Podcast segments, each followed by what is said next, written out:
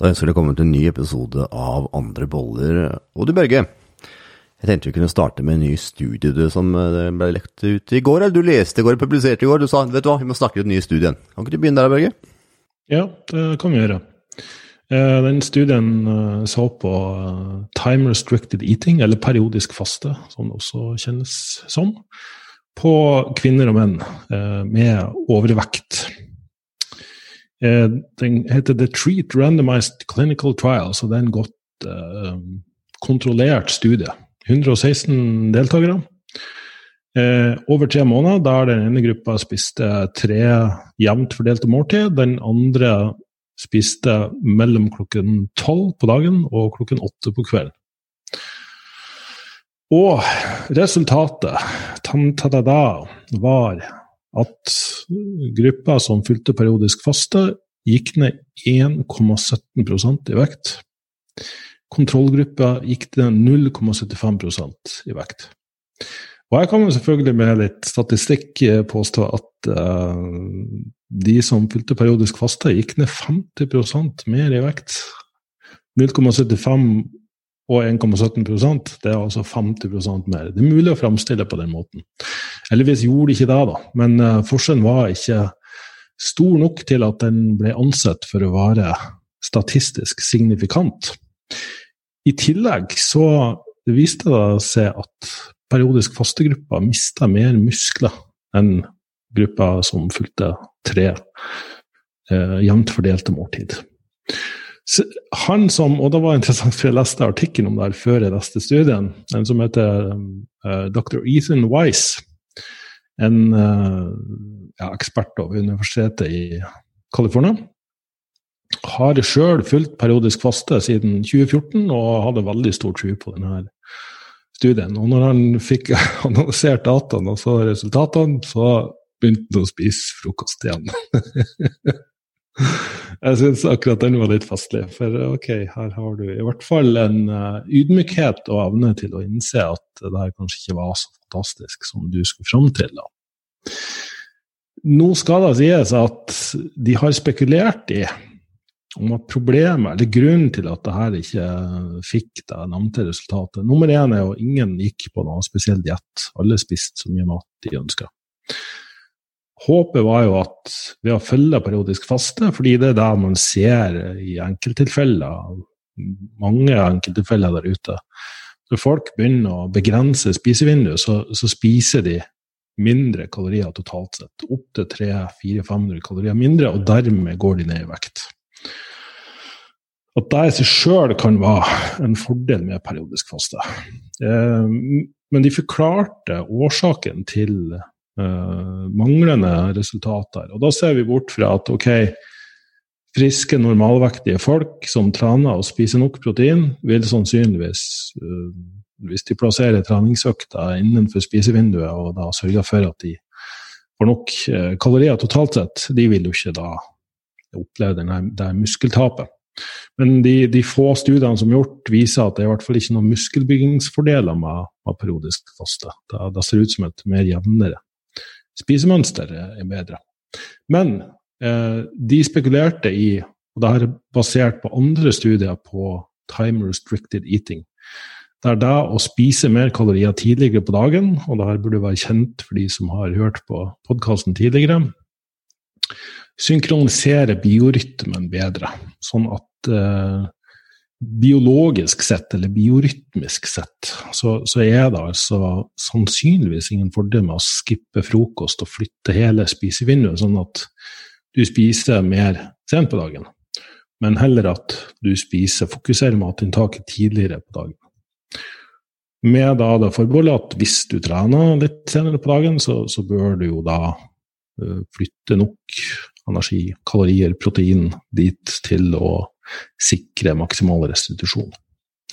Men det var i hvert fall interessant å supplere fint til uh, evidensgrunnlaget vi har, og gir kanskje også noen forklaringer på hvorfor jeg har sett litt varierende resultat på folk som i hvert fall ikke går veldig inn for å telle kalorier. Jeg, jo, jeg har jo hatt noe intermediate fasting i et år, tenker jeg. Sånn, i hvert fall, som har vært konstant, i alle fall. Et år. Og det jeg merker mest uh, forskjell på, det er jo energinivået. Jeg har mye mer energi, uh, og mye mer klar i hodet. Så det, det er prestasjonen og, og, det energinivået som jeg merker mest med å vente klokka tolv med å spise, altså.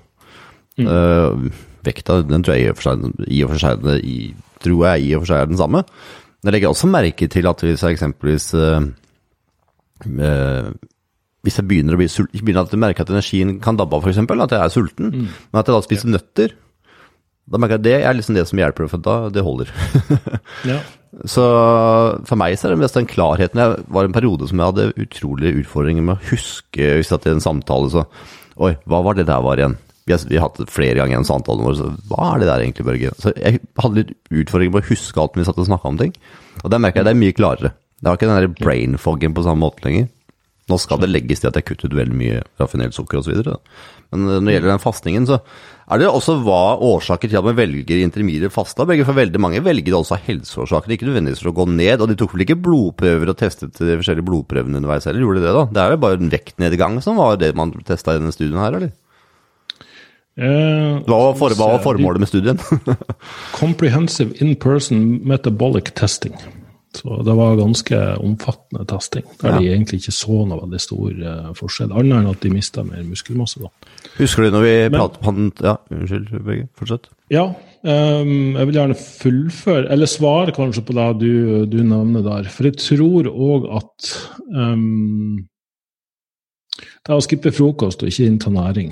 Uh, altså, nummer én, da, mange av fordelene som hevdes rundt periodisk faste, er da ved å gå lengre tid uten mat, Eh, kanskje enda lenger enn 16 timer, som i denne studien, eh, gir mange fordeler både på hjernefunksjon, det er noe som heter brain derived uh, nutrition factor, eller noe sånt. Nerve growth factor, kanskje. BDNF. Uh, som kan stimulere til uh, bedre hjernefunksjon. Autofagi har vi så vidt vært innom tidligere. Det, det handler om kroppens egen rensingsmekanisme, cellerensing. Der immunforsvaret går inn og så fjerner syke celler.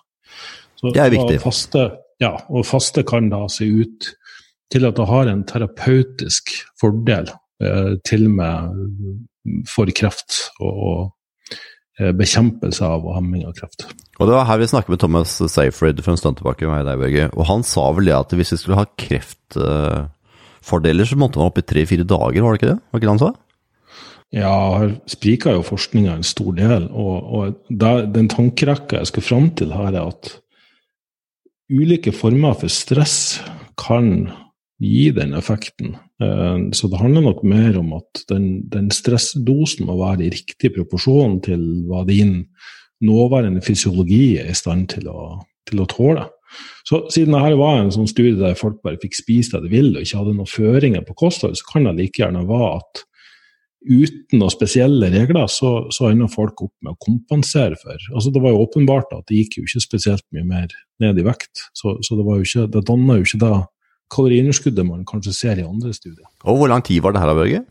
Tolv uker. 12 uker. For da er et lite spørsmål til det. Fordi at uh, Man vet jo i det øyeblikket man faster, så øker kortisolnivået. for Det øker jo automatisk man får lavere blodsukker.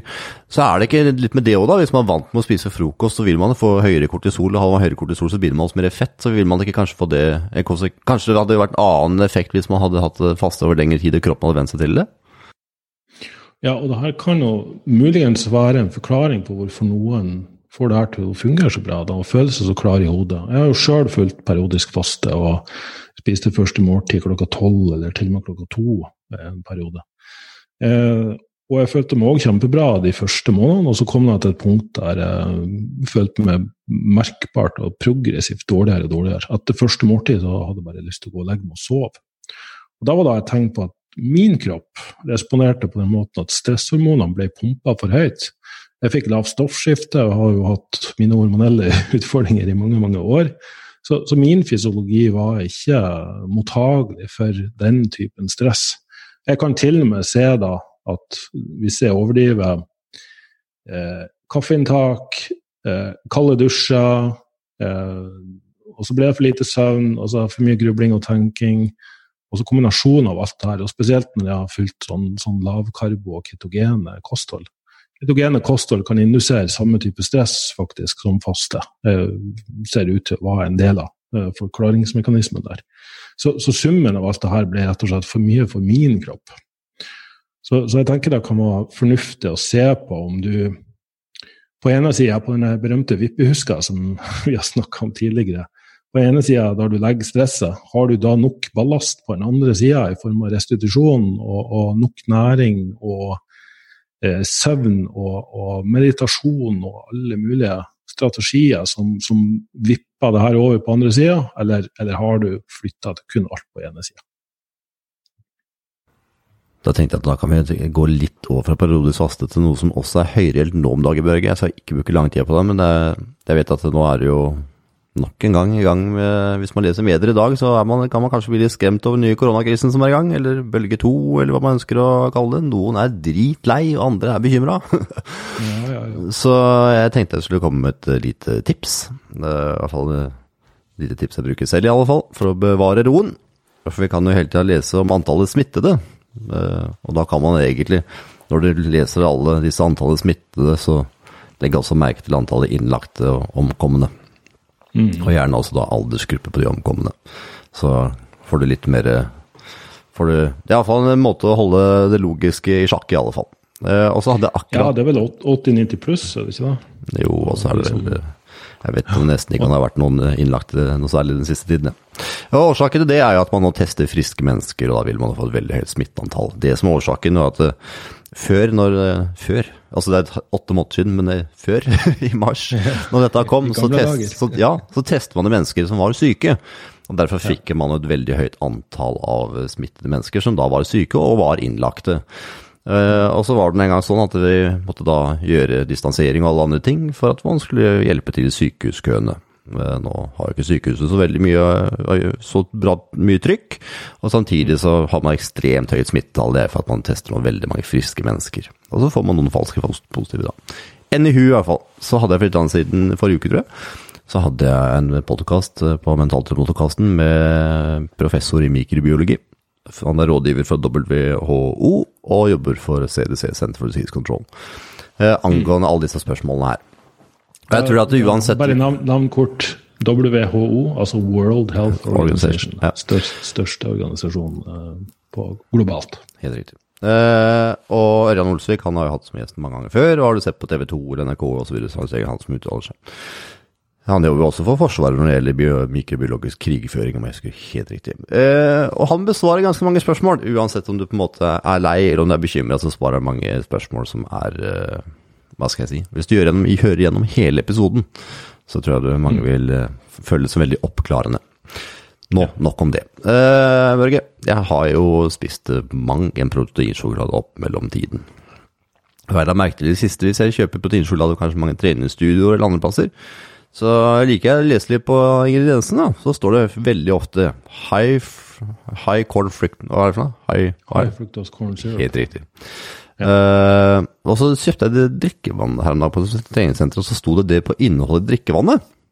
Mm. Så tenkte jeg jøss, er, er, det en god måte å få sukker på? Å bruke den type sukkerkilde? Enda et tema der de lærde strides. Ja. Eh, du har jo de på ene sida som mener at uh, sukker i seg sjøl Sukker er sukker? Så, ja, det finnes naturlig frukt og ulike ting. Um, Men det er fra korn, da? Er det ikke det, da? Er ikke det, er ikke det... det, er, det er fra mais. Korn. Ja. Mais. Ja. Det, det er vel gjerne ofte genmodifisert og, og ikke, ikke sånn rent fysiologisk i et prøverør. Så, så Sjøl om det er mer fruktose. Altså Honning er også et naturlig søtningsmiddel med, som er skyhøyt på fruktose, det også. Så, så um, jeg tror det avhenger mer av Når du spiser det her i sin naturlige form, f.eks. frukter, så er det 10 til maks 20 uh, av innholdet der som, som er eh, som er karbohydrat. Og når du spiser det, så blir det ofte matt, fordi det gir mer vomfyll også. Og da er det fiber og tar litt lengre tid å fordøye, og gir en jevnere blodsukkerstigning. De fleste av frukt er ganske lavt på glykemisk indeks. Men det er klart, når du spiser det her i veldig velsmakende former, eller lettdrikkelige former, Så vi ser f.eks. at juice ikke har den samme mettende effekten, og at folk gjerne spiser mer på en buffé etterpå. Eh, altså, de kompenserer ikke for de ekstra kaloriene fra, fra juice på samme måte som de f.eks. kompenserer eh, hvis du spiser frukt av tilsvarende energimengde. Så eh, long story short er vel um, konklusjonen at um, ta oss en proteinbar en gang iblant for folk som trener og er aktive, ser ikke på noe sånn stort problem. Det, det, er jo en av de billigste ingrediensene du kan ha i noe. da. Så jeg ser jo kanskje på det som en mer lettvint løsning. Eh, I seg sjøl så er denne her sirupen da eh, ikke nødvendigvis skadelig, så, så det meste vi snakker om eh, eh handler jo om en dose, doserespons. Det er en overvektig sofapotet uh, som ser på Paradise hele dagen. Eller, Nå putta du veldig mange i bås her, Børge. kanskje ikke Det var mange merkelapper på en gang. var veldig olje. Uh, kanskje ikke bør uh, sitte og pimpe high fructose corn syrup i, i, drikkeform og, og spise godteri som er full av det, men en crossfit-utøver i god form kan sannsynligvis slippe unna med mye mer av det uten at det forårsaka noe problem. Men eh, klart, jeg, jeg, ser jo på det her som har du en racecar, så bør du ha ordentlig drivstoff på, ikke liksom bare eh, dårlig, dårlig, kvalitet. Da. Ja, for når du setter sammen proteinsjokoladene, Børge, hva er det du velger som sukkerkilde da? da? Eh, det som er vanskelig med proteinbare, er jo at det, det er å bli et litt bedre alternativ til sjokolade ikke så veldig mye bedre. Og skal det smake sånn at folk vil spise det her Det er noen der ute som liker de Quest-barene. Jeg er ikke noe stor fan sjøl. Det er vanesak. det er nok sikkert en vanesak. Jeg syns jeg blir både dårlig i magen av det. og syns ja. ikke de er spesielt gode. I hvert fall ikke sammenlignet med de proteinbarene vi har. Det er helt sikkert. ja. Men, men klart, da, da, blir nok et valg som må tas der, for hva er det som gir best smak og konsistens? Og, og, så vi har gått for liksom, sukker og eh, glukose, altså glukose som da kan sies å være druesukker, eh, og, og fruktose miksa. Men selvfølgelig, med en gang du øker proteininnholdet i en sånn eh, bar, så er jo da næringsmessig i hvert fall litt bedre enn en rent sukkerbasert og fettbasert uh, type. Det er vel det som er mye utfordringen, er det ikke det? At uh, Man skal gjerne at man skal ha best mulig smak og skal ha best mulig effekt. Jeg syns vi kommer tilbake til kosttilskudd, så litt tilbake til den, der, den der pilla vi gjerne skal ha igjen. Det skal både være godt, det skal gjerne være sunt, og så skal det ha best mulig effekt. mm. Det er litt utfordrende å klare å få alle de inn i samme pakka. da. Man må alltid inngå noen kompromisser. Da så Vi på, vi sendte nylig ut en større spørreundersøkelse og fikk mange gode svar. og de ønskene fra folk eh, Noen av de kan vi enkelt imøtekomme, det, det, er ingen problem. Men, men, noen av de blir egentlig såpass spesifikke og, med krav om, om liksom hvordan eh, råvaren, hvor, hvor, den stammer fra, hvordan den er produsert, alle ledd i den verdikjeden der, som, som, er utrolig vanskelig å få til. Det måtte vi liksom ha kun basert oss på lokale produsenter som produserer i så små skala med så store summer at ingen er villig til å bruke penger på det. Det, er, det er nesten samme um, problematikk som økologisk mat. Alle burde jo velge økologisk mat fordi det gjør at økologisk mat kan bli billigere og, og produseres i litt større skala. Men det er et matningspunkt der økologisk drift ikke kan økes lenger i, i produksjonsstørrelse, for da er det plutselig ikke økologisk lenger. Da, da, da sklir det litt ut. Og samtidig som folk ikke er villige til å betale mer for økologisk mat, fordi de har et matbudsjett som ikke stemmer overens med det de ønsker å bruke på bil og hus og, og annen mat. Nummer én så skjønner jeg at det er utfordring å følge de kravene. Nummer to syns jeg det er kjempebra at forbrukerne begynner å kreve det. Og ja. Grunnen til at jeg syns det er bra, er at vi over lengre tid ikke har visst hvor ting har kommet ifra. Uh, mm. Man vet ikke hva ting har produsert av osv. Så, videre. så jeg syns det er uh, Jeg skjønner utfordringen, men jeg syns også det er bra at forbrukerne begynner å bli mer bevisst. da. Vi har jo lenge gått rundt Ja, og jeg er jo av den samme oppfatning. Og i, i en ideell verden så, så hadde jeg sjøl ønska at det skulle være sånn. Men, men vi står ovenfor Altså Der vi sourcer råvarene, liksom, så, så, er det store utfordringer vi, vi, kan ønske og vi kan legge på trykk, men til syvende og sist så, så, så driver vi butikk også. Mm. Så, så det, det sagt, jeg, jeg, ser begge, og jeg tenker at det her er vel en uh, Når forbrukeren begynner å tenke sånn, så begynner jo også leverandøren etter hvert å tenke sånn. altså Det, det starter jo en plass. Jeg tenker at det er positivt. Da kan jeg ha det på sikt så får man til at man uh, får uh, mer muligheten til å se hvor det kommer fra osv. Så, videre. så tenker jeg det er bare pluss, ja. Ting må jo starte en plass. Ja, og jeg holdt på å si gjør jo så godt det kan. det er kanskje ikke godt nok i mange ja, det, er, ja, det ikke det jeg tenker på. Det er ikke det jeg tenker, det er ikke det jeg tenker på, Børge. Jeg tenker den derre alle tanker og ideer starter en plass, men det tar jo ja, forskjellig tid før man, kommer, før man kommer dit. Og jeg tenker at Er det noen eh, der ute som begynner å bli opptatt av hvor ting kommer ifra, så har man kanskje ikke muligheten i dag, kanskje ikke i morgen, men kanskje om ett år, to år, tre år, fire. Altså, alle ting må jo starte en plass, og det er jo en progresjonstid, og alt skal omstilles osv. Jeg syns det er kjempebra. Jeg liker at ting er i endring, og jeg liker at ting eh, går, eh, går, en, går en, bra vei, da. Ja, og faktisk avslutningsvis, fordi det er en veldig fin um, overgang til, til, tipset om filmen 'Sacred Cow'. Den er produsert av en gruppe mennesker som også er idealister, og, og ønsker å legge fokus på regenerativt landbruk og måten vi behandler dyrene på, i stedet for å kanskje gå den rent veganske veien der vi skal spise fake meat og, og, og, og kun dyrke og spise plantekost. Det satt et litt nyansert, mer nyansert Klart, ingen er vel helt fri for bias og, og meninger om ting, som kanskje kan påvirke hvordan ting blir fremstilt og produsert. men jeg, var, jeg, har fått en som forhåndsvisning av den filmen og ble meget imponert over kvaliteten på filmen og hvordan de klarte å sette litt mer korrekte tall, etter min mening, da, på, på stordrift, hvordan mat blir framstilt, hvilke næringsbehov vi, vi, har som mennesker, og hvordan vi skal klare å dekke det, det behovet for, for, mat som vi har på, på verdensbasis, for å fø en stadig voksende menneskehet. Så det er et insidertips fra, fra, min side. Sacred Cow. Det skal sjekkes ut, Børge. Og når vi snakker om det med mat og hvordan man skal brødfø alle osv., så, videre, så er det én ting som uh, ligger meg litt nært om dagen. Det er jeg håper at vi på mange måter uh, får en frihet til å velge alternativer, da. Og årsaken mm. til at jeg sier akkurat det, for det er noe jeg aldri har tenkt på før, men nå har vi jo levd i en koronatid i noen måneder. Da man ser jo på en måte at vi har jo veldig, blitt veldig myndighetsstyrt etter hvert. Og, det, og, i beste, og, i beste, mening.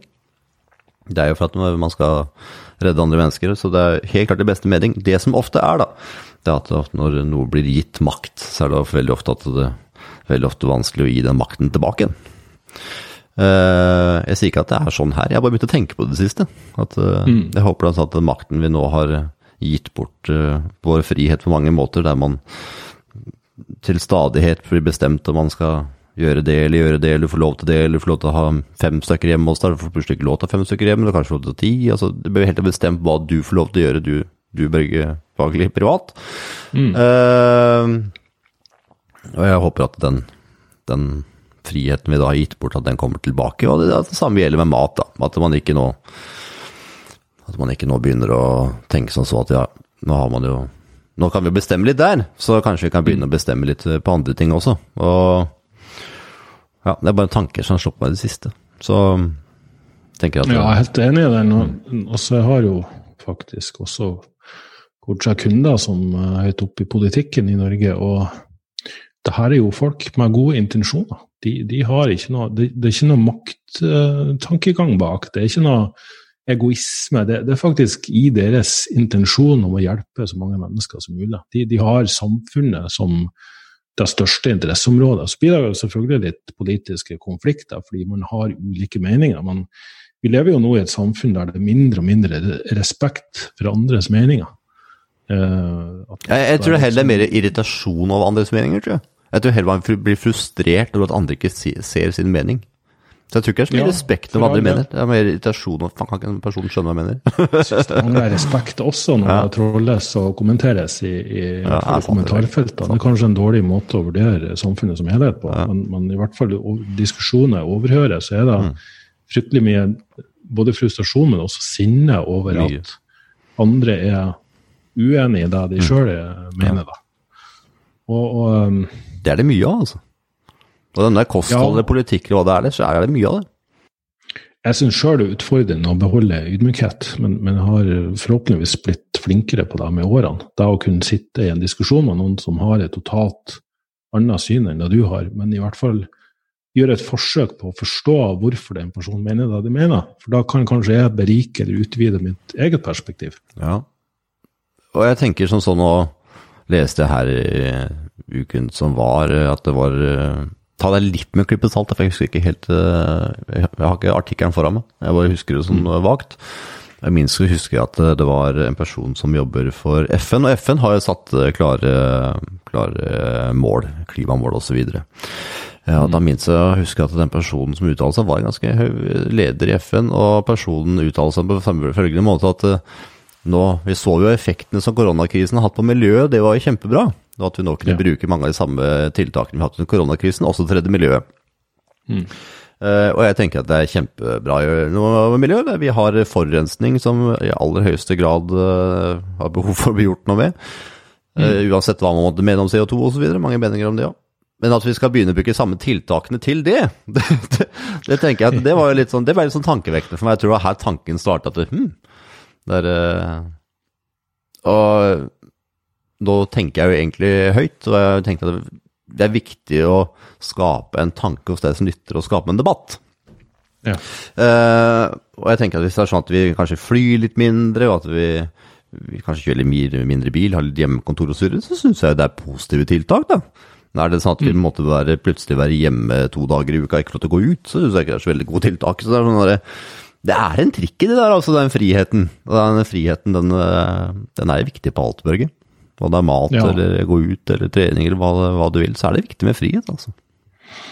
Ja, og det er vel kanskje òg greit å reflektere over at det vi, det vi anser for det gode liv, og det vi øh, føler at vi trenger eller eh, ønsker eller fortjener i det moderne samfunn, ikke nødvendigvis er forenlig med å ta vare på den planeten vi bor på.